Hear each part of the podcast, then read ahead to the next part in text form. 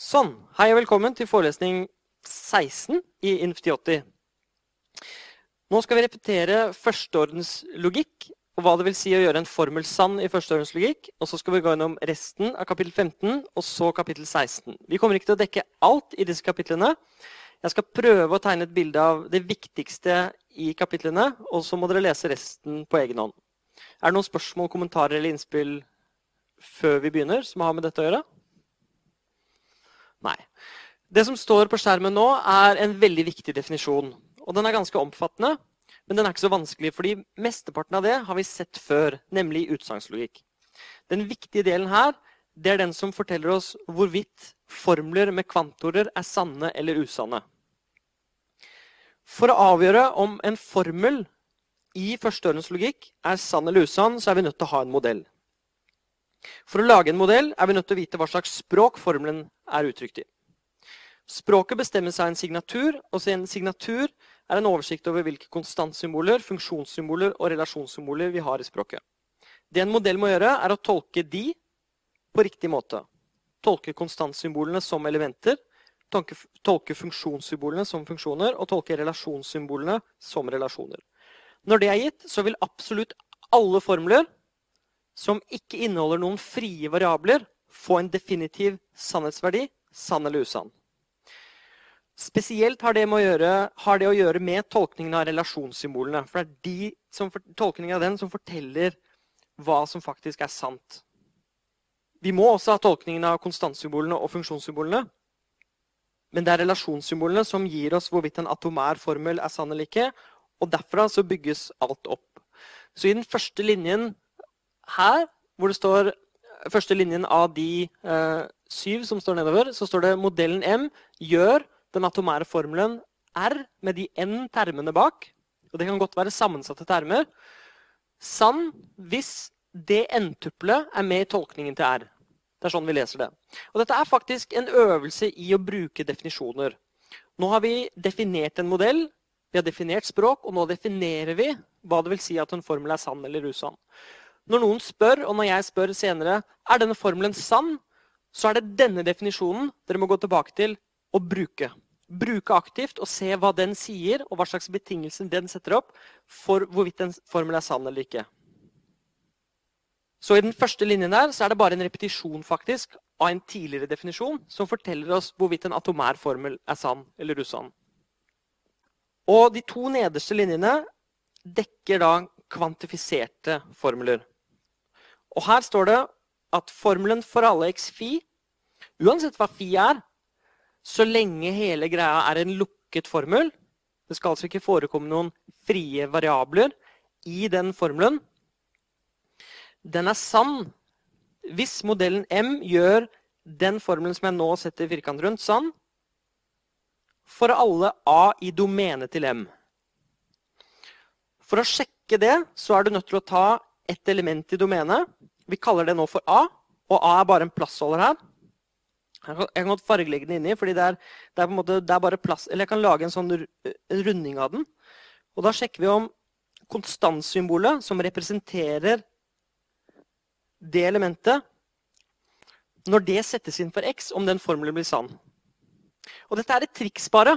Dette er ikke noen absolutt universell, superviktig ting. Dette er én måte å avgjøre eller å definere hvorvidt førsteordens formler med for alle kvantorene i er sann eller usann på. Det går an å gjøre det på veldig mange andre forskjellige måter, og det gjøres på veldig mange forskjellige måter. Dette er en enkel måte å gjøre det på ved å ta et element i domenet, lage et konstant symbol for det, bare anta at vi har et konstant symbol for det, og så sjekke om formelen blir sann når vi setter inn det symbolet i den formelen. Hvis den testen går gjennom for absolutt alle elementer i domenet, så kan vi konkludere med at den formelen for alle x-fi er sann per definisjon. Så dette er definisjonen som forteller hvorvidt den formelen er sann eller ikke. Dette er betingelsen. Og dette er definisjonen som er laget for at det skal være mest mulig intuitivt. Det er andre måter å gjøre det på også, men dette er kanskje dette er den måten jeg tror det er enklest å forstå det på. I noen lærebøker og noen kontekster som ikke gjør det så grundig som i dette kurset, så sier man bare at en for alle x fi-formel den er sann hvis fi er sann for alle x i domenet. Og så sier man ikke noe mer. Man sier bare den setningen. For alle x fi er sann hvis fi er sann uansett hva du setter inn for x. Og Det er det som er intuisjonen, og det er den dere skal ta med dere. Hvis domenet er de reelle tallene, og noen sier uh, for alle x, så har den x-en den, den egenskapen. Da må du nødt til å sjekke om den egenskapen holder for alle de reelle tallene. Og i så fall så er den formelen som du da har for Alex Fi, en sann formel. Dette er en veldig presis måte å gjøre det eksplisitt på. Og det er derfor jeg har skrevet ut fullstendig. Og så I neste linje så er det da definisjonen av hva det vil si at den eksisterer x-fi-formel er sann. Og da skal det være sånn at formelen fi er sann hvis du kan sette inn noe som gjør den sann. Og En underliggende antakelse er at vi, har lagt til konstantsymbolet for absolutt alle elementer i domenet. Det hadde vært fint om noen spurte om dette, eller om dere hadde noen spørsmål om det. Men jeg, jeg skjønner godt at uh, dette er en tilvenningssak, så man er nødt til å se det en del ganger og prøve å skrive det. Faktisk lukke boken, slå av podkasten nå og bare prøve å skrive det ned for seg selv uten å se. Og da er spørsmålet hva Gjør en formel på formen for alle x-fi sann. Prøv å skrive det ut, gjerne med ord. Hvis dere klarer å skrive det med ord på en tre-fire linjer, og det er sånn noenlunde det som er her, så har dere grunn til å være fornøyd med dere selv. Men det er en ganske vanskelig øvelse. Det å bare begynne med blankt ark og så skrive ned betingelsen for at en for alle x-fi-formel er sann.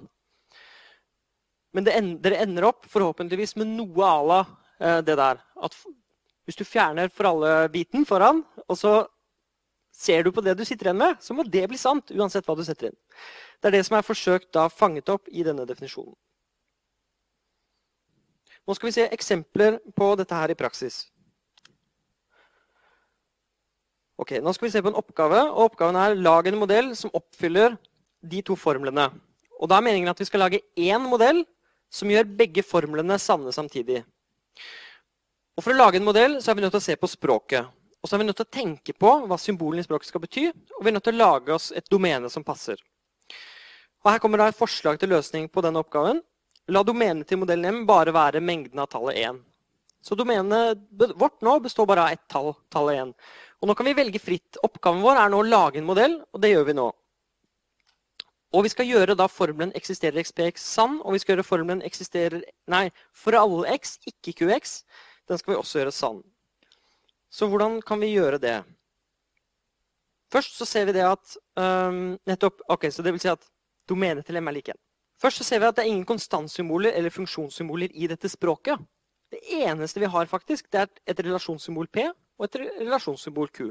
Kanskje språket er kjempesvært, og dette er det eneste vi ser. Men det er greit. Dette er det vi har å forholde oss til. Så når vi skal lage en modell for dette språket, så trenger vi ikke å tenke på alt det andre. Vi trenger å tenke på hvordan vi skal tolke P-en og hvordan vi skal tolke Q-en. Og da må vi faktisk være kreative. Hvordan skal vi tolke relasjonssymbolet P, og hvordan skal vi tolke relasjonssymbolet Q, sånn at disse to formlene blir sanne? Og da kommer løsningen. La relasjonssymbolene P og Q tolkes slik at P tolkes i M som Hva bør vi tolke P som, tror dere? Vel, um, tenk på P som en egenskap. Um, at den skal være sann for noe. Og den må være sann for noe. Og la oss da velge oss én. At den er sann for én. Nå velger jeg meg at tolkningen av P skal være mengden som består av tallet 1. Altså hele domenet. Og den kommer til å gjøre den første formelen sann. Det skal vi snart se. Og hva skal tolkningen til Q av M være? Vel, jeg velger meg faktisk at den er tom. Og det betyr sånn intuitivt at det er ingenting som har egenskapen Q. Så tolkningen til relasjonssymbolet Q det er den tomme mengden. Og så skal vi sjekke at de to formlene der oppe blir, blir sanne. Og formelen eksisterer i XPX. Den er sann fordi P1 med strek over er sann. Og 1 med strek over representerer eh, 1-tallet i domenet. Så hvorfor er den sann? Hvis noen hadde spurt dere om det, så måtte jeg sagt at ok, det står her at modellen M gjør P og så konstantsymbolet som representerer 1, sann. Hvorfor det? Og jo, det er fordi Hva er betingelsen for at det er sann? Og Det var den første linjen i definisjonen av, uh, av tolkningen av lukkede formler. Da må vi tolke P i M. Og det har vi gjort. Det står her. Det er lik mengden, mengden som består av tallet 1. Og vi er nødt til å tolke konstantsymbolet 1 med strek over i M. Men hva er 1 med strek over i M? Jo, det er jo lik 1. For det er det per antakelse. Så det er konstantsymbolet som representerer tallet 1. Og det er faktisk da et element i den. Og det er det som er betingelsen for at den skal være sann. Og jeg vet at dette ser veldig tungrodd ut, men det som er fint med denne definisjonen, og alt det her, er at det skalerer opp eh, til en kjempestor konstruksjon. Og dette er egentlig et veldig lite eksempel. Så P, hvor vi har satt inn konstantsymbolet som representerer en, er sann fordi 1 er et element i tolkningen av P. Nå må vi sjekke om denne andre formelen også er sann, for det er det som er oppgaven vår.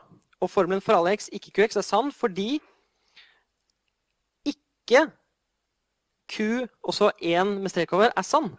Fordi hva, hva, betyr det at en for alle-formel skal være sann? Jo, det betyr at det som står bak, og det er ikke qx, det blir sant uansett hva jeg setter inn for x. Altså, det er en blob Glem at det står et negasjonstegn der. Det er en blob, og den blobben skal være sann uansett hva jeg setter inn for x. Og da må jeg sette inn det eneste jeg kan sette inn. da, For jeg, domenet mitt består bare ett element, så da setter jeg inn eh, noe som representerer det elementet. Og så må jeg sjekke om det er sant. Og det er faktisk sant fordi det motsatte, nemlig det som står der, Q hvor jeg satte inn igjen, er usant. Og det er fordi tolkningen til Q er tom. For at den skulle vært sann, så måtte 1 ha vært et element i tolkningen til Q. Mens tolkningen til Q er jo tom, og da er det ikke noe der. Og da blir den usann.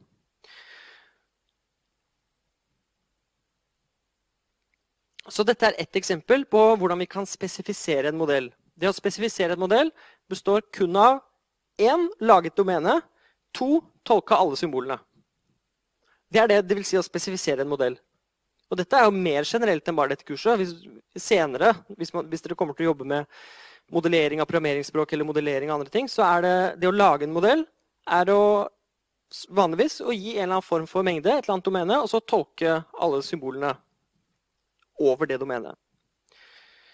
Og det Jeg har gjort nå, jeg har sagt hva P er og hva Q er, og så har jeg argumentert for hvorfor den tolkningen gjør disse to formlene sanne. Er det noen spørsmål til det eksempelet? Da tar jeg et eksempel til, og så går jeg kanskje bitte litt raskere gjennom det. Men dere må stoppe meg underveis hvis det er uklart. Her kommer det et nytt eksempel og en ny oppgave. Og dette er en typisk eksamensoppgave. Men det er også en konkret situasjon som kan oppstå, fordi det kan hende du jobber med noe, om det er en um, modell eller en teori eller et programmeringsspråk eller et program, og så har du noen betingelser samtidig, så ønsker du å gjøre alle betingelsene sanne. Du ønsker å oppfylle alle betingelsene. Kanskje ikke det er mulig, men her får vi da oppgave å lage en modell som oppfyller tre formler. Og det jeg ville gjort hvis jeg hadde fått en sånn oppgave, det er å tenke intuitivt på hva det dette betyr. Først så står det PA og PB. Hva kan det bety? Det betyr at A har egenskapen P, og B har egenskapen P. Uansett hva P er. Kanskje det er partall eller perfekte tall eller noe annet. Og så står det uh, Det er ikke slik at det eksisterer en X slik at PX og QX og hva betyr det? Det betyr intuitivt at det ikke er slik at det finnes en X som både er egenskapen P og Q. Med andre ord, det er ingenting som er både P og Q, står det. Enig? Fordi uten negasjonstegnet så står det at det faktisk finnes noe som har egenskapen P og Q samtidig. Det finnes en X som både er en P og som er en Q. Og så skal det ikke være sånn, står det. Det står nemlig negasjonstegn utenfor. Og Det er implisitt en universell påstand. Da, om at ingenting har en egenskap. Det betyr at uansett hva du velger deg, som er en universell ting, så er det sånn at det ikke er tilfellet. At det er både og. Og Den siste formelen uttrykker at noe har egenskapen Q. Det finnes en X slik at QX. Så nå har vi denne situasjonen. Vi, vi, vi skal ha en A og en B. Begge skal være P-er. Så skal det ikke finnes noe som er både P og Q. Det er ikke lov, men det skal finnes en Q. Det er det som står der. Og nå er vår oppgave å lage en modell, en førsteordensmodell som gjør alle tre formlene sanne samtidig. Og Da må man først lage domene, og så må man gi tolkningen av alle symbolene. Og Symbolene er A og B og P og Q. Og så må man gjøre det på en sånn måte at alle tre formlene blir sanne samtidig. Og Dette er egentlig en veldig fin oppgave. Og så tenker vi sånn intuitivt at uh, la oss prøve først å se om det er mulig å gjøre det med to elementer.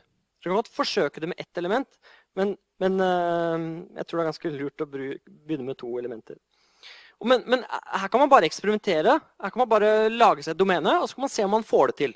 Så nå begynner vi å se om vi får det til. La domenet til modellen være mengden som består av to tall, 1 og 2. Det vil si at domenet til modellen er mengden som består av 1 og 2. Det er en måte å skrive det på. Hvordan skal vi tolke A og B? Og hvordan skal vi tolke P? Hvordan skal vi tolke Q? Vel, jeg har lyst til å prøve meg på å tolke både A og B som tall 1. Sånn. La konstantsymbolene tolkes slik at tolkningen til A er den samme som tolkningen til B, og begge er tallet 1. Det er greit. Det er ikke noen regler som sier at to konstantsymboler må tolkes som to forskjellige ting. Det er ikke noen regler som sier det, og da kan jeg tolke det som det samme. På akkurat samme måte som flere forskjellige typer sifre og sammensetninger kan representere det samme tallet. Sånn er det her òg. Det er ingen funksjonssymbol i språket, så vi trenger ikke å bruke tid på å tolke det. Hvordan skal vi tolke P og Q? Vel, um, jeg vil at A og B begge skal ha egenskapen P, så jeg bør nok la én være med i tolkningen til P. Er dere ikke enig i det? Bør nok det. Og så um, lurer jeg på om det skal være den eneste, til, uh, eneste som er med i tolkningen til P. Men jeg må ha noe som er, er, en Q, og da lar jeg to uh, være inni der. Så da prøver jeg meg med dette. Uh, tolkningen til P er mengden som består av 1, og tolkningen til Q er mengden som består av 2. Og nå kan jeg begynne å sjekke. Nå har jeg bare valgt meg en modell. Er, er dere enige nå? Er jeg ferdig med å lage modellen, eller må jeg gjøre noe mer? Er jeg ferdig, eller må jeg gjøre noe mer? Jeg, er ferdig fordi jeg har laget et domene, og jeg har tolket alle symbolene. Det er det det betyr å gi en modell. Og da må jeg sjekke, da. Er formelen PA og PB sann? Ja, den formelen er sann fordi 1 er med tolkningen til P. Fordi modellen M, hvis det er det den heter, da, ja, det heter den, eh, den gjør P, la oss si B, da, sann. Det er fordi tolkningen til B, som er sånn, er med i tolkningen til P.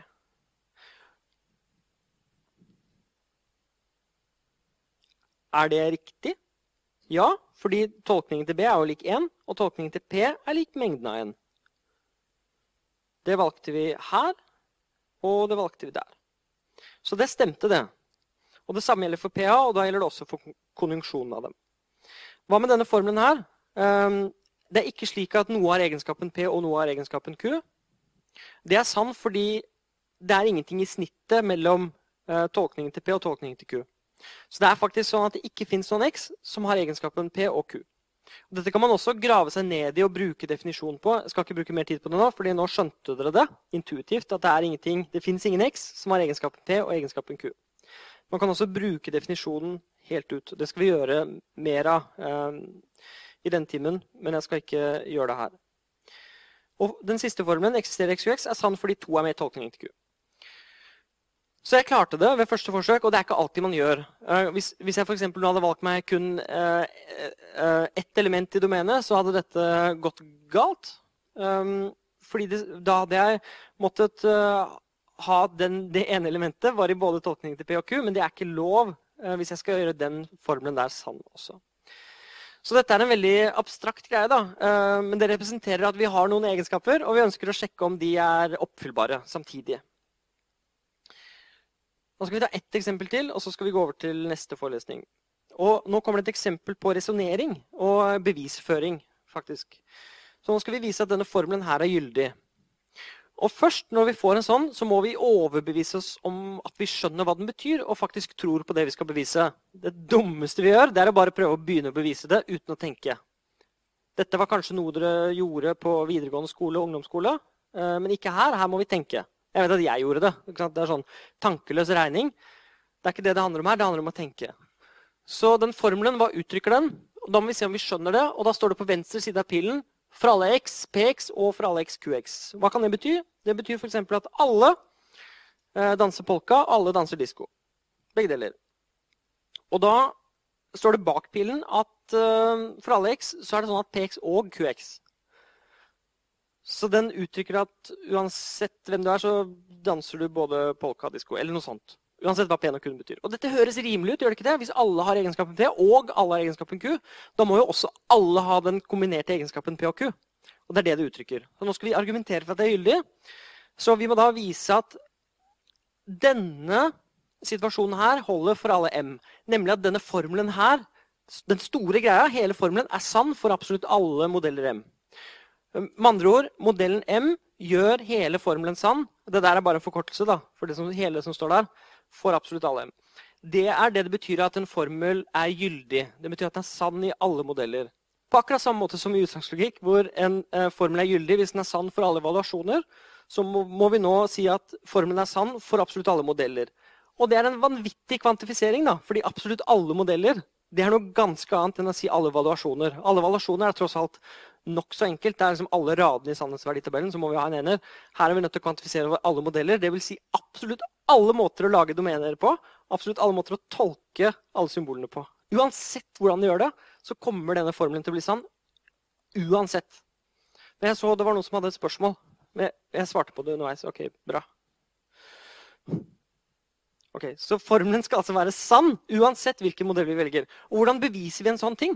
Det er jo en helt vanvittig kvantifisering. Skal, hvordan skal vi alle dager klare å fange inn absolutt alle modeller og argumentere for at uansett hvilken crazy modell vi velger, så vil den modellen gjøre denne formelen sann? Vel, vi har lært én måte å gjøre det på, en som er veldig, veldig, veldig fin. Og den kommer nå. La M være en vilkårlig modell. Og det du gjør da, når du sier den setningen, det er å si vi velger oss en representant for alle modeller, og så antar vi ingenting om den. Vi bare antar at dette er en vilkårlig en, og det kan være hvilken som helst, av absolutt alle modeller. Og så sier vi at la det være domenet til akkurat denne. Og det du har gjort da, du, du har liksom satt hele verden på vent. Du har sagt her er en modell, og så skal vi sjekke hva som er tilfellet med denne modellen. Men vi antar absolutt ingenting om den modellen. Det er en vilkårlig modell. Og så ser vi om vi klarer å gjennomføre resonnementet om at denne formelen er sann i denne modellen, som vi har valgt helt vilkårlig. Og hvis det er tilfellet, hvis vi klarer å gjennomføre det resonnementet, bam, da er vi ferdige. Da må det være sånn at denne formelen er sann for absolutt alle modeller, og ergo er den gyldig. Så nå har vi laget oss et univers og valgt oss én spesifikk modell og nå skal vi anta i det universet, i den situasjonen, at denne modellen gjør denne formelen sann. Altså for alle xpx og for alle xqx. Nemlig nøyaktig det som står foran pilen. Nå har vi antatt at vi har en modell, og vi har antatt at akkurat den modellen gjør denne konjunksjonen sann. Og nå har vi fått et mål for dagen, og det er å gjøre at den formelen bak pilen også er sann i den modellen. Så vi har laget oss en antakelse, og den antakelsen er at en konjunksjon er sann i en modell. Nå skal vi vise at en universell formel er sann i en modell. Så det er situasjonen vi har havna i nå, ut fra den måten vi har resonnert på. Er, er, det noen spørsmål til det? Eh, så kan jeg ta det før vi går videre. Ja?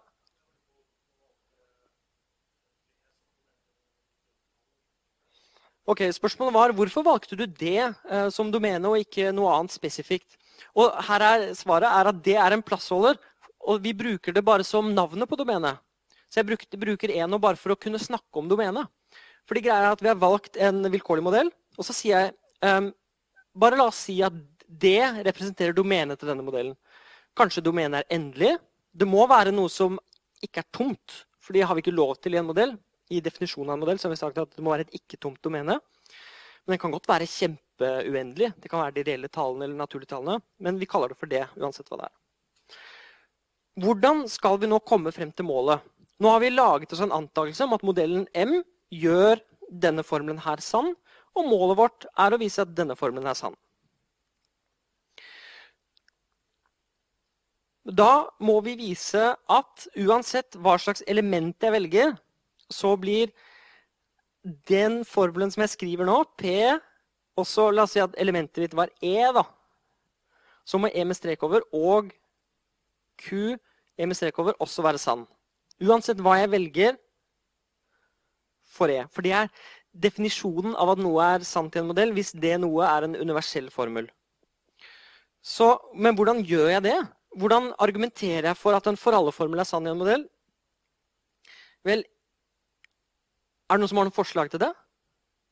Fordi nå er vi i en situasjon hvor noen har utfordret oss til å bevise noe. Og hva svarer vi på den utfordringen? De har utfordret oss nå til å bevise at for alle x, px og qx, er en sann formel. Det står i definisjonen hva det vil si at den er sann. Det betyr at uansett hva du setter inn for x bak der, så får du noe som er sant. Men hvordan skal vi argumentere for at uansett hva du setter inn, uansett, så får du en sann formel?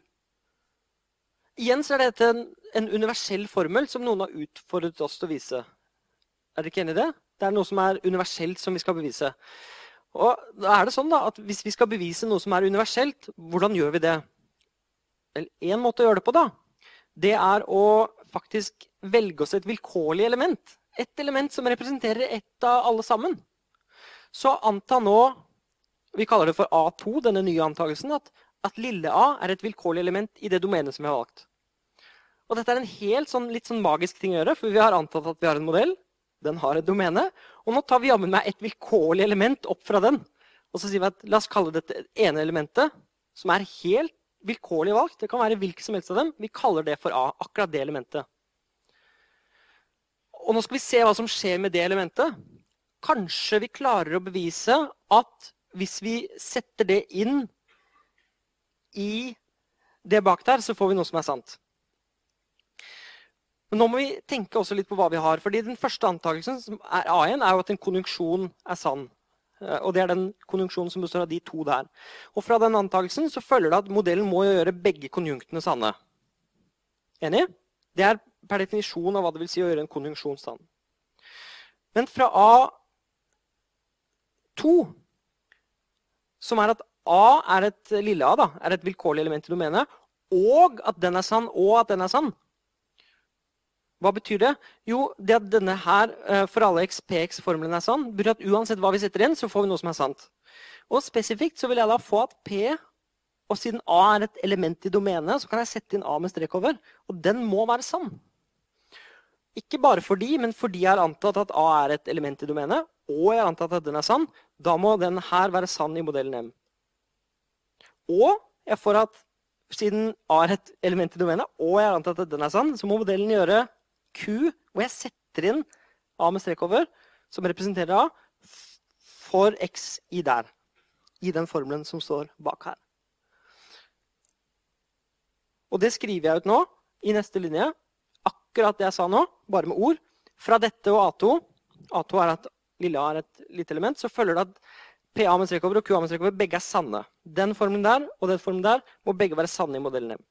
En måte å skrive det på er jo akkurat sånn som jeg gjorde, at M gjør PA sann. Det er én måte å skrive på, bare, at PA med strekover er sann hjem. Og fra den så følger det at konjunksjonen av dem er sann. Fordi jeg har, nå, eller jeg har kommet frem til uh, at begge må være sanne. Og nå kommer hele konklusjonen. Og det er at fordi lille a var vilkårlig valgt, så betyr det at den formelen der må være sann hjem. For det er det som er definisjonen av at en sånn formel er sann. Så siden a var vilkårlig valgt, så følger det at den universelle formelen for alle x, px og qx, faktisk er sann hjem. Det er det som er definisjonen av at en for alle-formel er sann. Og nå har det skjedd ganske mye, for jeg begynte med å velge meg en vilkårlig modell. Og så argumenterte jeg for at i den modellen så er akkurat denne formelen her sann. Og så måtte jeg argumentere for at denne formelen var sann ved å resonnere en hel masse. Og det betyr at formelen er gyldig. Fordi jeg kunne valgt en hvilken som helst eh, modell. Så argumentet mitt går gjennom uansett hvilken modell jeg velger. Hvis du tar en modell som er de naturlige tallene, og du tolker P som partall og Q som oddetall, bam! den må være sann i akkurat den modellen. For vi har gjennomført et resonnement som er um, uavhengig av mod spesifikk modell. Det er det som menes med at vi tar en vilkårlig modell, og så resonnerer vi rundt den vilkårlige modellen. Og så har vi kommet frem til at da må den være sann. Da vil det resonnementet være like gjennomførbart hvis vi velger de naturlige tallene og partall og oddetall som et eksempel. Ja? Spørsmålet var kunne vi også brukt noen form for ekvivalensregler for å bevise dette. Og Det er det du i praksis har gjort, fordi du har sagt at vet du hva, det at for alle x, px og qx um, er, en, er sann hjem, det er ekvivalent med å si at uansett hva du velger deg i domenet, så blir denne konjunksjonen sann. Um, så på en måte så følger vi et sånt ekvivalensspor, uh, kan du godt si. Er det noen andre spørsmål til dette? Nå har vi faktisk gjennomført et ganske avansert resonnement. Og det er et resonnement som beviser at en formel er gyldig. Punktum. Uansett hvilken modell du velger, så er denne formelen her sann i den modellen. Så det er en forskjell mellom sannhet og gyldighet. Sannhet det er i én modell. Gyldighet det er for alle modeller. Så det er noe mye mer sterkt enn bare å si at det er sant i en spesifikk modell. Ja?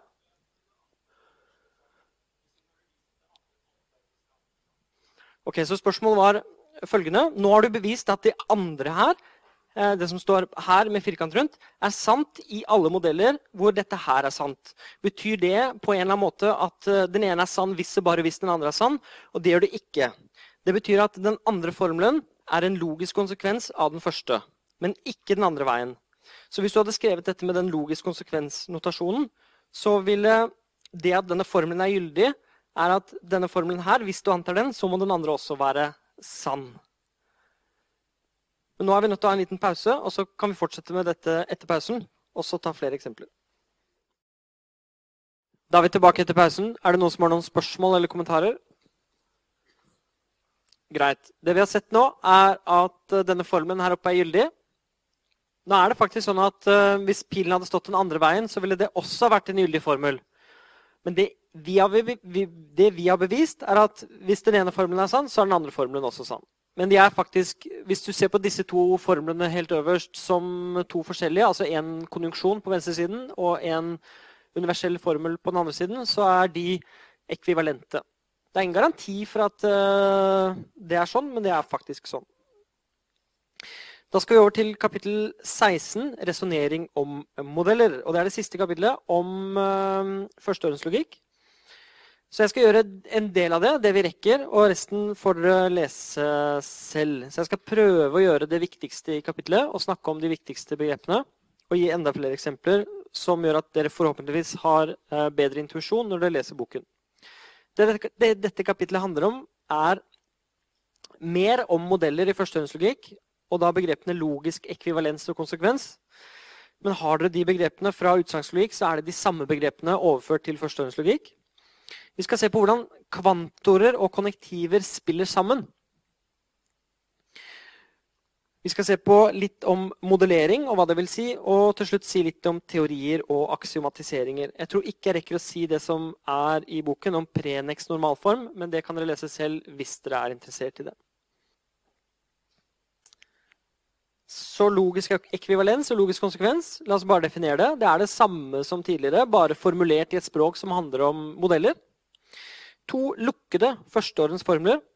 Fi og psi er ekvivalente hvis enhver modell som gjør fi-sann, også gjør psi-sann, og vice versa. Og som dere kanskje har merket nå, så er det greske bokstaver for alt det det har vært. Eh, fi og psi. Og jeg bruker det litt sånn systematisk for å holde oss, eh, for å gjøre det klart at vi ikke snakker om utsagnslogikk lenger. For i utsagnslogikk brukte jeg systematisk F og G. Her bruker jeg systematisk fi og psi. Sagt på en annen måte, for enhver modell M vil M gjøre Fisan hvis det bare hvis M gjør psi sann. Det er en annen måte å skrive det på. Men det betyr det samme at de er ekvivalente. Og vi skriver en sånn dobbeltpil mellom når de er ekvivalente. Og den dobbeltpilen er dobbelt fordi den går begge veier, men også fordi den er dobbelt så bred. Det er ikke bare en sånn implikasjonspil som går i begge retninger. Um, den har faktisk to sånne. Og det betyr i mange kontekster at dette er noe som hører til metaspråket vårt. Det er en forkortelse for noe vi kunne ha sagt uh, med muntlig språk eller bare skrevet ut som en setning. Så når jeg ser det uttrykket der, så tenker jeg på det som en forkortelse for noe jeg kan si med ord. Det er bare en kjapp måte å si noe med, uh, Det er bare en veldig kompakt måte å uttrykke noe som jeg ellers kunne ha sagt med ord. Som oftest er det bedre å si ting med ord, eh, men i noen kontekster så kan det bli ryddigere og penere hvis vi uttrykker det sånn. Men det som står ringet rundt der nå, betyr kun da at fi og psi er ekvivalente formler. og Det betyr at enhver modell som gjør den ene sann, også gjør den andre sann. Og vice versa. Så de er sanne i nøyaktig de samme modellene. Det, med andre ord, eh, det fins ikke noen modell som gjør den ene sann og den andre usann. Hvis en modell gjør den ene sann, så må den også gjøre den andre sann. Det er det ekvivalent betyr. Formlene fi og psi er ekvivalente hvis, bare hvis denne formelen her er gyldig. Og den, den sier at um, konjunksjonen av to implikasjoner uh, alltid er sann. Hvis den formelen er gyldig, så er de to formlene ekvivalente. Så det er en måte å uttrykke på i objektspråket det er det, dette med gyldighet. Så hvis den, dette med ekvivalens, mener jeg. Hvis den formelen der faktisk er gyldig, så er de to formlene ekvivalente formler. Og Så kommer det noen litt sånne rare ting, kanskje, men alle gyldige formler er faktisk ekvivalente med hverandre. Hvis én formel er gyldig, det betyr det at den er sann i absolutt alle modeller. Ok, La oss ta en annen formel som også er gyldig. Den er også sann i absolutt alle modeller. Med andre ord, Hvis en, en modell gjør den ene sann, så må den også gjøre den andre sann. Så alle gyldige formler, enkeltstående som som er gyldige, de må være sann i absolutt alle modeller, og derfor er de ekvivalente med hverandre. Hva er den enkleste førsteordens gyldige formelen dere kan komme på? Den enkleste formelen som inneholder kvantorer. Den skal ikke, inneholde, den skal ikke være utsagnslogisk. Den skal inneholde kvantorer. For alle x, px eller ikke px, det må være en gyldig formel. Hvis du tar et eller annet element, og så sjekker du ok, for det elementet så må px være sann, eller ikke px må være sann. Og fordi det er sånn at uansett hva du velger deg for element, så må egenskapen P holde for det, eller egenskapen P holder ikke for det, så må den hele formelen være gyldig. For alle x, px eller ikke px. Er det noen andre gyldige førsteordensformler vi kan komme på? Sånne som alltid må være sanne. Det er et enkelt triks. da. Vi kan bytte ut P med Q. og Da får du for alle x QX eller ikke QX. Det er også en gyldig formel. Er det noen andre gyldige formler vi kan komme på? Ja? Prøv deg. Det er bra.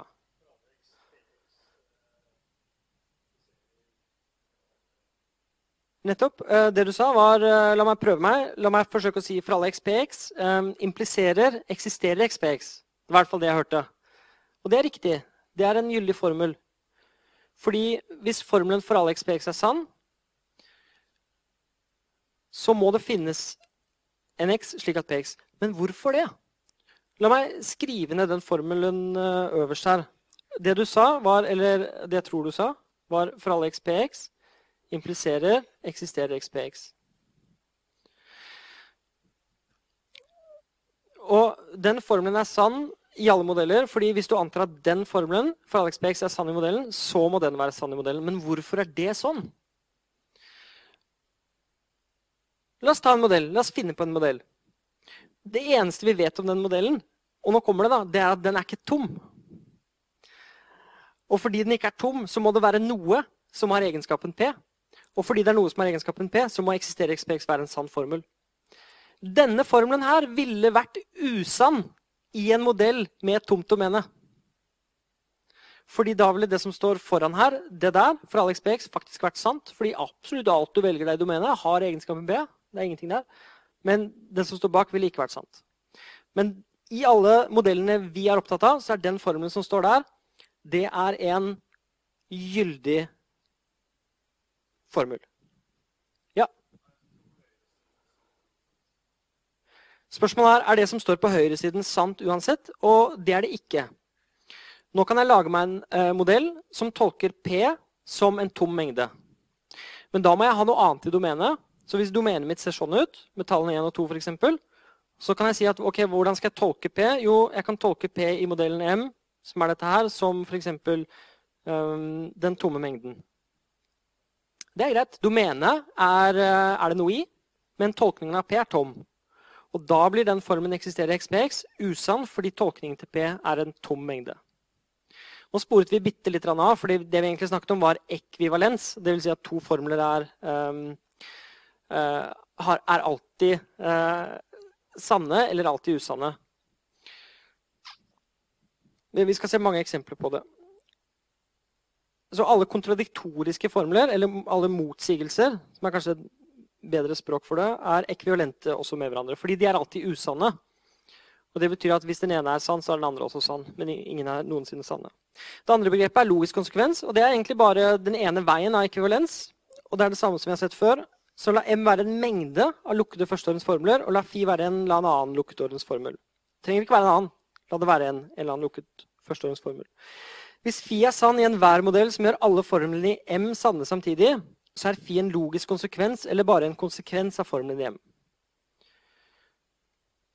Og vi skriver M gjør Fi sann øh, på denne måten når Fi er en logisk konsekvens av M. Og Her ser jeg at det er veldig lett uh, å tolke det som at en modell gjør Fi sann. Men, uh, men her, det er faktisk en annen font her, da. um, så, men det enkleste er å bare vite konteksten. Dette her brukes som uh, en skrivemåte for at noe er en logisk konsekvens av noe annet. Så hvis det som står her, er en mengde med formler, så tolker vi det som logisk konsekvens. Hvis det er noe som betegner en modell, så betyr det at bare at Fi er sann i den modellen. Men det er én måte å skrive det på. Vi har også en annen skrivemåte som kanskje er mer naturlig. Det er denne dobbeltpilen, men bare én vei. Så Fi dobbeltpil psi. Eh, med det mener vi at psi er en logisk konsekvens av mengden som består av Fi.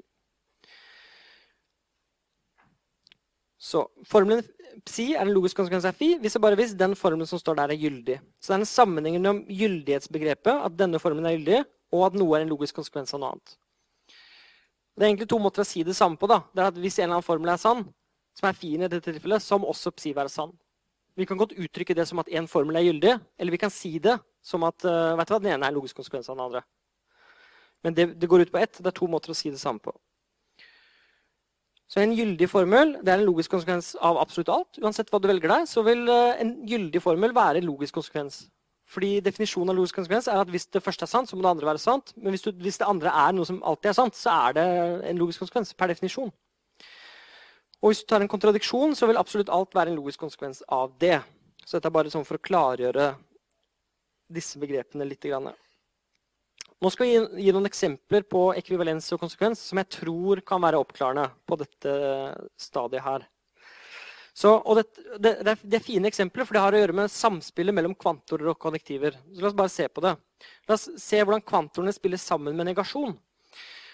Og Her står det to formler som er ekvivalente. Og Det er formelen ikke for alle xpx, som jeg sier er ekvivalent med eksisterer x, ikke px. Og en måte å skrive det uh, at de er ekvivalente på, det er å skrive sånn, ikke fra alle xpx, sånn.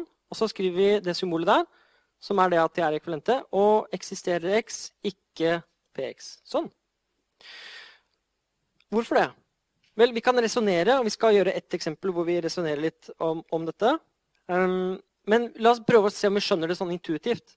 Hvis vi tenker oss at P betyr uh, at noen kommer på en fest, Sånn at PX betyr at X kommer på festen. Så vil for alle XPX betyr at alle kommer på festen. Og ikke for alle XPX betyr at ikke alle kommer på festen. Så for alle Altså den formen der er at ikke alle kommer på festen. Og hva blir da det der? Vel, det blir at det finnes noen som ikke kommer på festen. Er det sånn at det betyr det samme? Og jeg påstår ja. Hvis ikke alle kommer på festen, så må det være noen som ikke kommer. Det går i hvert fall inn i hodet mitt som noe som gir mening. da. Fordi hvis ikke alle kommer, så må det være noen som ikke kom. Men det må også si det motsatte. Hvis du skal ha en ekvivalens, så må du faktisk også si den setningen som kommer nå. Hvis det er noen som ikke kommer på festen, da, da kommer ikke alle. Og det er retningen som går tilbake. Hvis noen, hvis det fins en X som ikke kom, så er det sånn at ikke alle kom. Noen hører de to setningene, eh, som er eh, 'ikke alle kom på festen', og setningen 'det er noen som ikke kommer', som akkurat samme. Altså, de, de, fleste av oss har en sånn greie i hjernen som bare tolker de som det det betyr, nemlig at noen ikke kom. Men vi ser det at det kan uttrykkes som negasjonen av noe universelt, som at ikke alle kom, eller kommer. Eller vi kan uttrykke det som noe eksistensielt, som er at det finnes noen som ikke kom. Men det ene uttrykket her er et negasjonsuttrykk. Altså det er et negativt uttrykk. Det andre er et eksistensielt. Men når, når, denne kombinasjonen kommer, ikke alle, så hører vi noe eh, eksistensielt over det. Fordi det er ikke sånn at alle kom. Nei, det må det være noen som ikke kom.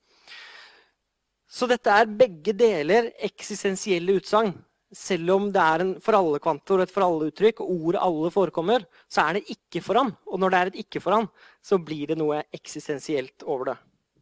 Nå skal vi se på akkurat det motsatte, og det er det som står her. Det er at ikke det fins en x, slik at px er ekvivalent med for alle x, ikke px. Så hvis px nå La oss ta noe annet. Nemlig det at kanskje Det er det eksempelet jeg bruker i boken. At PX betyr at uh, X er noe som er farlig. Da vil det ikke eksistere XPX betyr at det ikke finnes noe som er farlig. Enig?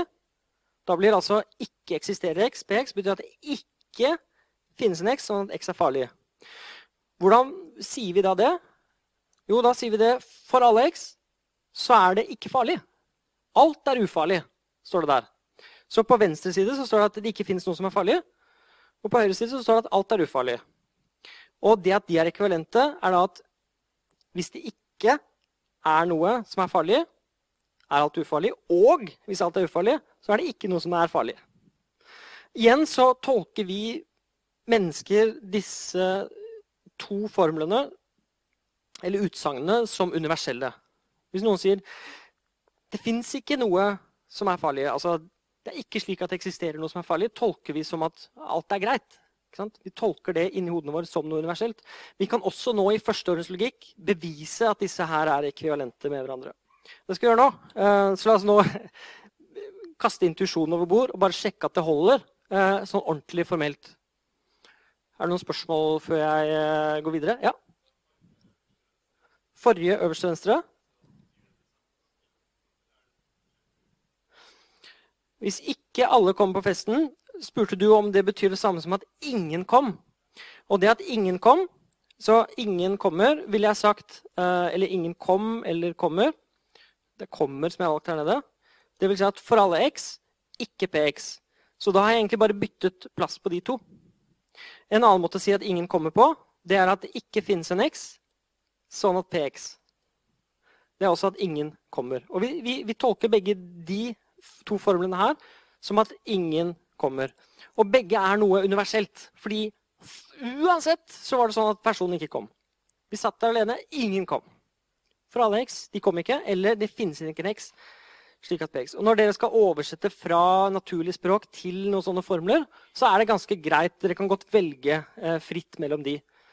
Men jeg ville valgt um, det som samsvarer med språket. Så hvis det står det er ikke slik at alle kom. Da vil jeg um, ha brukt denne måten her å representere det på for å være så nærme som mulig det som ble sagt.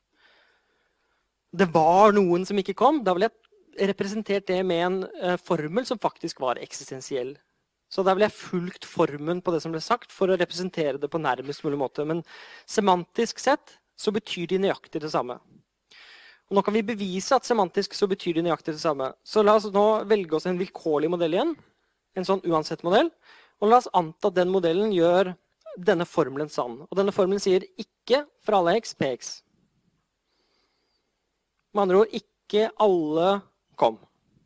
Og målet vårt nå er å vise at det finnes en x, så at ikke px. Men hvordan kan vi komme oss dit fra denne? og nå, nå må vi bruke definisjonene. Det er ikke noen annen måte å gjøre det på. Dette er en øvelse i å bruke definisjoner. Hva betyr det der? Og det betyr noe fordi vi har tolket det ikke-symbolet på en helt spesifikk måte. Og hvis vi leser i definisjonen hva det betyr, så står det at det er ikke slik at det som står bak det, er sant. Det er det motsatte av det. Og nå bruker jeg det symbolet her, ekvivalenssymbolet, for å si det at vet du hva, det som står her oppe, er sant hvis og bare hvis det som står der, er sant. Det følger fra definisjonen. Ok, Da må jeg se på hva er det dette her betyr. Det jeg nå satt, setter en firkant rundt. Hva er det det betyr at modellen gjør for alle XPX-ene? Og Det har vi sett noen ganger. Det betyr at uansett hva jeg velger i domenet, hvis jeg setter inn en representant for det inn i PX-formelen for X, så får jeg noe som er sant. Så nå bytter jeg da ut det i blått eh, med det som står bak her. Alt annet er likt. For alle elementer A i domenet så vil modellen M gjøre P, hvor jeg har satt inn symbolet for A i den. Det er betingelsen for at den for alle XPX-formelen skal være sann. Det er at den formelen eh, PX blir sann uansett hva jeg setter inn for X. Og nå kan jeg resonnere um, ut fra det. Og hva er det jeg kan konkludere med hvis det som står der, er sant? Hele greia, altså. Det er ikke slik at for alle elementer A så er det noe som måler. Det er ikke slik at for alle elementer A så er det noe som måler.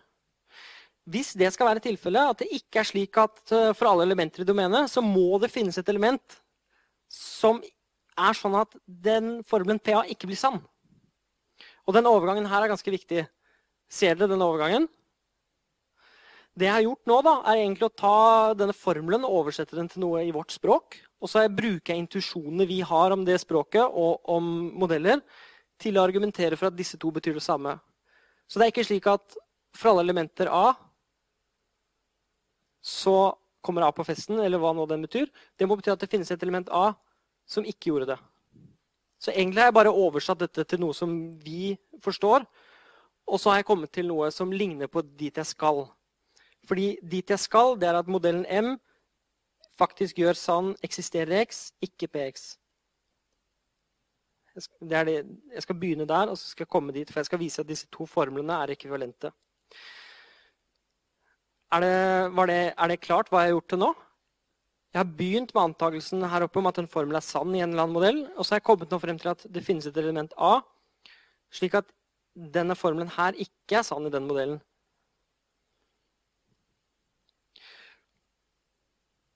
Ok, Hvis det ikke er sånn at den modellen gjør den formelen sann, da må det være sånn at modellen gjør ikke PA sann. Nå, det jeg gjorde her, var egentlig bare bytte ut nøyaktig den biten der med den biten der. Alt annet er likt. Jeg har bare tatt noe og så har jeg sagt ok, vi skal tolke negasjonstegnet på den måten uh, som er det som står der. Og nå står det at det finnes et element A, sånn at noe holder. Og det er det samme som at den formelen der er sann. Og når jeg mener med den formelen, så mener jeg den formelen der. Og den veien her kan vi også gå opp igjen tilbake. Så hvis vi begynner å anta det som står der, at modellen M gjør en eksistensformel sånn, så må det finnes et element A sånn og sånn. Da, pga. tolkningen her ikke, så må det være sånn og sånn. Og da kan det ikke være sånn at for alle elementer så holder sånn sånn. Og da kan det ikke være sånn at den for alle formelen er sann. Og da må det der være sant. For det er det det betyr. Dere ser at Dette er en eh, rekke ekvivalenser som viser at det jeg begynte med, er ekvivalent med det jeg sluttet med. Og da er det ikke ekvivalente formler, det er ekvivalente uttrykk. Det er at en modell gjør noe sant, viser bare hvis en modell gjør noe annet sant. Oh, ok. Sånn er det. Så det, det, er den formelle måten å gjøre det på. Den andre måten å gjøre det på, det er å bruke intuisjonen vår om at hvis ikke alle kommer på festen osv. For det er ikke alle kommer på festen, det er den. Og her står det det var noen som ikke kom. Og nå er det sånn at Vi kan bruke den samme metoden for å argumentere for at ikke for alle x, ikke px, er ekvivalent med at det finnes en x slik at px. Og det følger faktisk fra det som står der oppe. Hvis den px-en der hadde vært byttet ut med ikke px, så ville det stått ikke px her nede. Og disse to negasjonstegnene her ville kansellert hverandre. Og da er det nøyaktig det som står der, som står igjen der oppe. Så dette kan vi oversette. Hvis vi gjør det på nytt, så kan vi lage et bevis for det som nå er streket under og firkantet her. Og igjen så kan vi bruke intuisjonen vår. Hvis det ikke er sånn at for alle x um, så kom de ikke på festen, det betyr at noen kom på festen. Og igjen så blir man litt sånn svimmel av å tenke på det, for det var så mange negasjonstegn. Men sånn er det. Og på tilsvarende måte, hvis det ikke finnes noen, sånn at det ikke peks, da, da må alle være eh, P, hvis det ikke finnes noen, sånn at det ikke peks, så må alle være peks. Sånn er det. Igjen så kan man bruke samme type resonnering for å forstå det. Um, og det går ja, Jeg vil oppmuntre dere til å se om dere kan få intuisjon rundt dette. Men jeg tror det skulle være nokså greit. Jeg håper iallfall det. La oss se på hvordan konnektivene spiller sammen med kvantorene. For her, her er det samspill mellom negasjonstegn og kvantorene. Og, ok da, Jeg må også si en annen ting. Um, her så kan man uh, ta det negasjonstegnet. Dette er en annen måte å se det på. En tredje måte å se det på en. La meg skrive den formelen her ute. Hvis det står 'ikke' for alle xpx, og så har du lyst til å ha det negasjonstegnet uh, litt nærmere px Se for deg det, at det negasjonstegnet vil liksom inn og være blant de atomære. Hva skjer da? Jo, den skal da gå veien gjennom den der. Og så det den gjør på veien gjennom, det er å bare flippe den. Så det, negasjonstegnet det går gjennom den der og bytter den til den. Og så er den fremme der den skal være. Det er én måte å se det på. Um, og dette kaller man gjerne for sånn De Morgans lover, eller Det er mange rare, fine navn på det. Og sånn kan dere, så kan vi begynne med Hvis det står 'ikke eksisterer x', og så står det 'ikke px', f.eks. Nå tar jeg den som står her nede. Og så kan vi gjøre det samme trikset. Negasjonstegnet vil forbi. Hva skjer da? Jo, da blir den litt sånn magisk eh, byttet om til et foraldetegn. Og så kom negasjonstegnet forbi. Og så prøver negasjonstegnet å komme forbi et annet negasjonstegn. Og det som skjer da, er at de kansellerer hverandre, og plutselig så står du igjen med for alle xpx. Sånn var det som står der. Det er en annen måte å se det på. Uh, ja. Og det er en uh, parallell og en analogi som er ganske viktig. Uh, jeg har tid til å nevne det. Hvis det står 'ikke', og så står det i stedet for 'for alle xpx', så står det hmm, La oss si at det står PA og PB. Og det som er litt kult nå, eh, det er at hvis du kun har to elementer i domenet, og det er A og det er B Er du med på resonnementet? Hvis det er kun to elementer i domenet, og det er A eh, og B, så betyr de nøyaktig det samme. Da er um, konjunksjonen av alle instansene her, PA og PB, det er samme som for alle XPX. Og det å sette negasjonstegnet utenfor, det er da det samme som å sette det utenfor her. Og så har vi lært i utsagnslogikk at dette er jo det samme som ikke PA eller PB. Enig? En måte å uttrykke det på eh, det er å si at det finnes en X sånn at ikke PX. For det finnes en X sånn at enten det er den sann eller den sann. Og i et domene hvor kun A og B er elementene, så er det det samme. Og det jeg prøver å si på en veldig klønete måte, er at en universell kvantor kan faktisk erstattes med en konjunksjon. Hvis domenet er endelig. En eksistensiell kvantor eller en eksistenskvantor kan erstattes med en disjunksjon hvis domenet er endelig. Det trenger ikke å huske det, men det er en sånn, det, det, er enda en ting som jeg forsøker å si for å bygge intuisjon rundt det. Ja, la oss nå ta noen andre eksempler. Um, her står det det finnes en x, sånn at px eller qx at det er ekvivalent med eksisterende x, px eller eksisterende x, qx. Og Intuisjonen her er at uh, de impliserer hverandre. Så hvis P står for at noen danser, og Q står for at noen er glade, så er dette det samme som å si at hvis det fins en som danser eller er glad, så fins det en som danser, eller det fins en som er glad. Og vice versa. Hvis det fins en som danser, eller det fins en som er glad, som er det, så må det finnes en som danser eller er glad. Og igjen så er det en, eh, og Grunnen til at disse er ekvivalente, er at eksisterer og eller er litt av samme type. Det fins noe eh, eller den eller den. Det er noe av samme type. og Derfor er det ekvivalente. På samme måte så kan vi si at disse to er ekvivalente. Eh, hvis alle dansere er glade, så danser alle, og alle er glade. Og vice versa. Men nå kommer de interessante tingene. og det er at Hvis du blander for alle og eller, eller som vi skal se, eksisterer og, så blir det mismatch. Så disse to formlene er ikke ekvivalente med hverandre. Eh, fordi, La oss si at det til venstre da, er at alle er menn eller kvinner. Noe som i mange kontekster er riktig. For alle x, px eller qx. For alle x så er x en mann eller en kvinne. Q. Men det er ikke slik at alle er menn eller alle er kvinner. Av den grunn. Det er dere jo enig i. Sånn, I en viss kontekst så kan det være sånn at alle er menn eller kvinner. Men det er jo ikke sånn at alle er menn eller alle er kvinner. Så vi har dermed muligheten for å lage en modell. Og det er modellen hvor denne er sann, men denne her er usann. Og den her blir en ener, og denne her blir null, fordi begge disse kan være null. Og måten å gjøre begge de null på er at det faktisk ikke er sånn at alle er menn.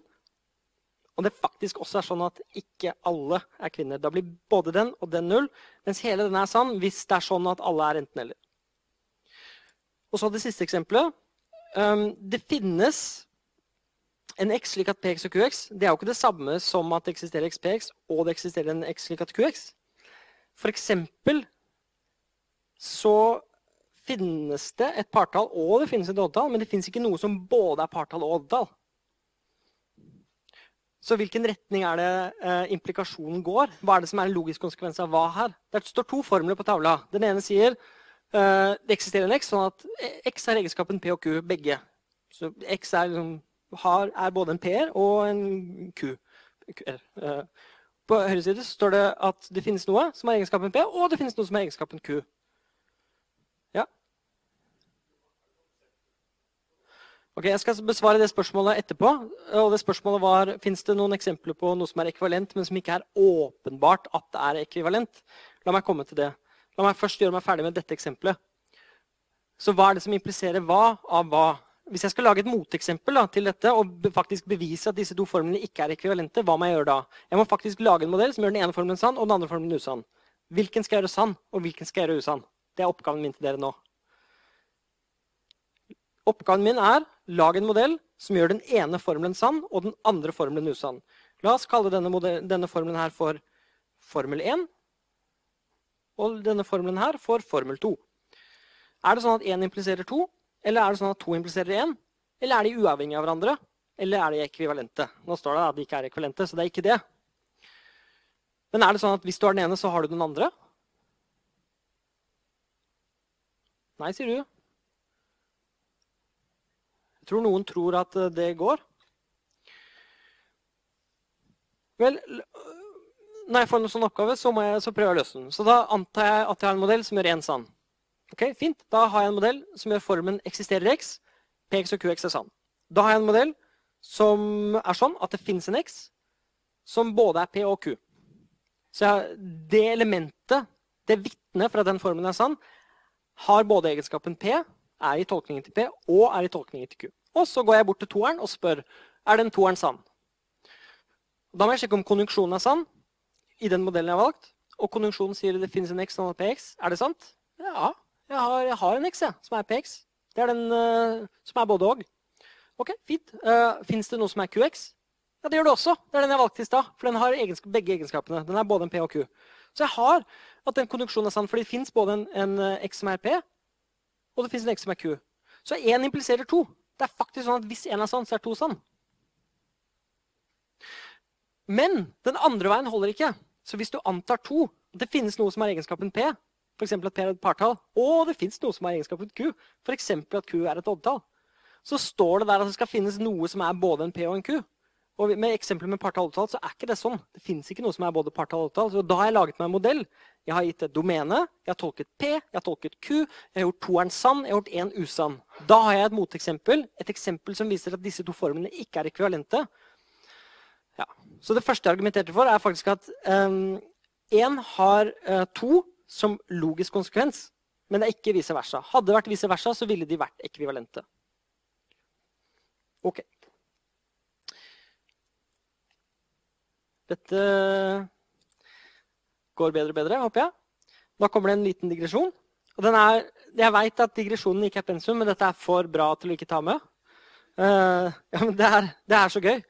Um, dette er Aristoteles' logiske kvadrat. Og det er sånn at hvis du tar A og B, og så ser du på hvor mange forskjellige uttrykk kan du lage med A og B, så er dette fire av de veldig vanligste uttrykkene du kan si. Du kan si alle A er B, som øverst til venstre her. Og det kan du formalisere med formelen for alle x. Så er det sånn at mm, AX impliserer BX. Du kan også si at ingen A-er er B-er.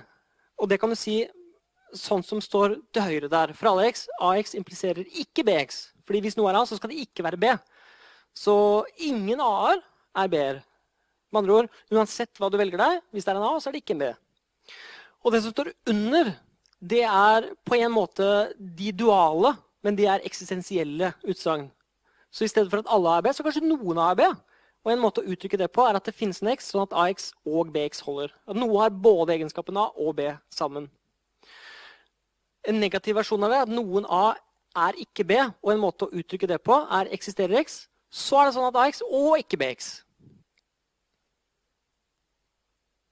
Og her går det an å um, tenke mye. Okay. Det er noen røde piler i midten. Hva betyr de røde pilene? Vel, de betyr at uttrykkene er de motsatte av hverandre. Og La oss bare se på at alle A er B. Hva er det?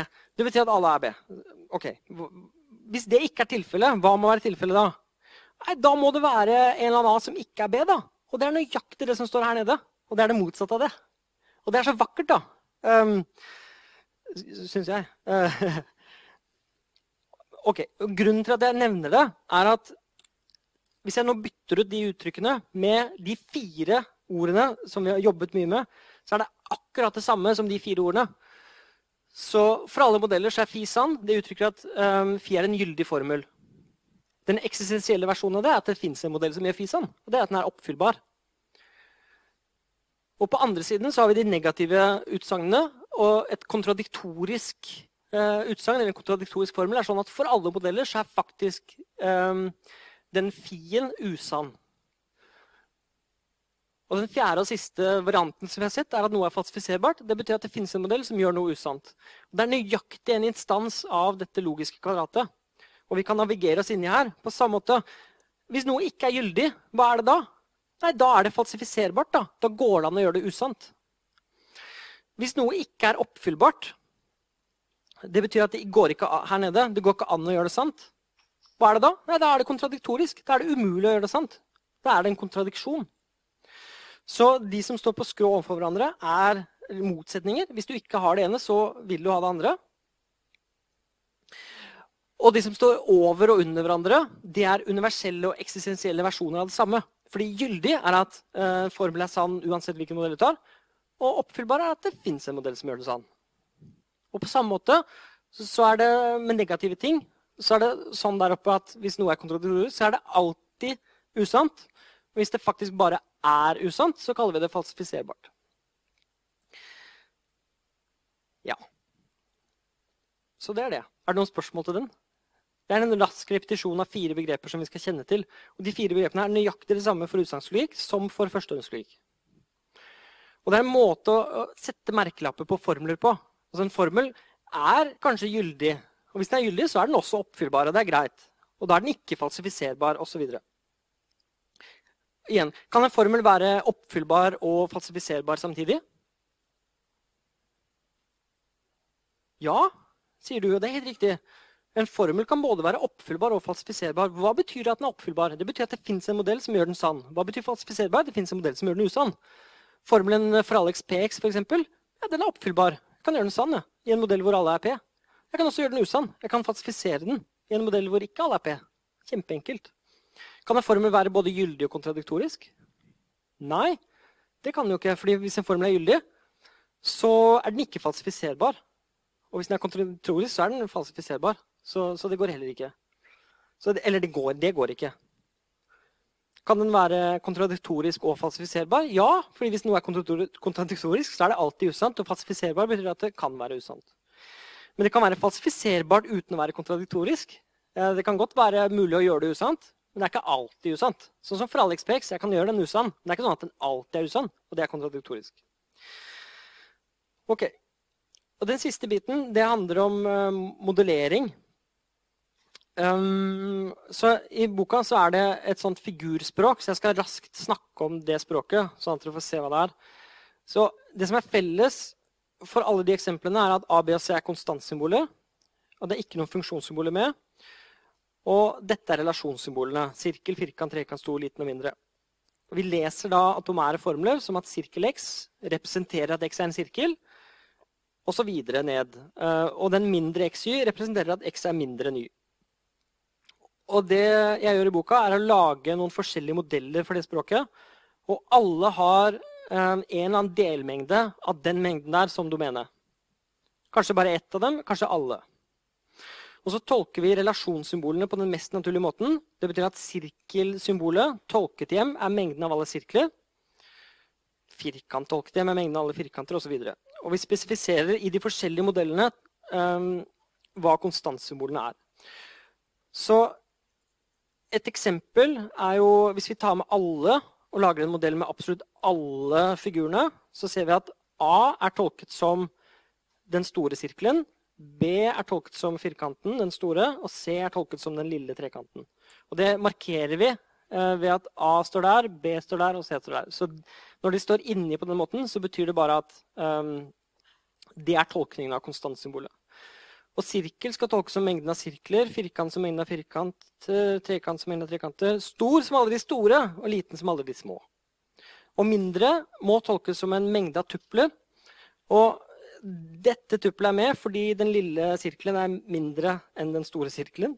Og det tuppelet er med fordi den lille sirkelen er mindre enn den store firkanten. Og sånn går det. Alle mulige sånne er med, hvor den ene er mindre enn den andre. Og her i dette tilfellet så blir sirkel A en sann formel fordi A tolkes som den sirkelen der. Det står der. Og sirkel tolkes som den. Og vi ser at den er oppi den. Firkant B er en sann formel fordi B tolkes som den. Og firkant tolkes som den, og den er faktisk oppi den. Og så videre. Og så kan vi også se at formlene trekant A er usann fordi A tolkes som den sirkelen der. Den. Mens trekant tolkes som mengden av trekanter, og den er ikke oppi der. Ikke oppi der. Og da blir det en usann formel. Og sånn fortsetter det. Mindre A og B er en usann formel, fordi A her er ikke mindre enn B. De er faktisk like store. Så da har dere intuisjonen på plass om disse her. Og da kan man begynne å leke seg ved å legge til flere relasjonssymboler. F.eks. at x er over y, eller x er nærmere toppen. X er under y, x er altså nærmere bunnen enn y, eh, osv. Det jeg innser nå, er at vi rekker jo ikke å gjøre de eksemplene. Så jeg tenker meg at det blir en del av repetisjonen på tirsdag. Um, men det er altså ganske greit å lese de eksemplene selv. Så da får dere ha en god helg, og så ses vi på tirsdag. Ha det bra.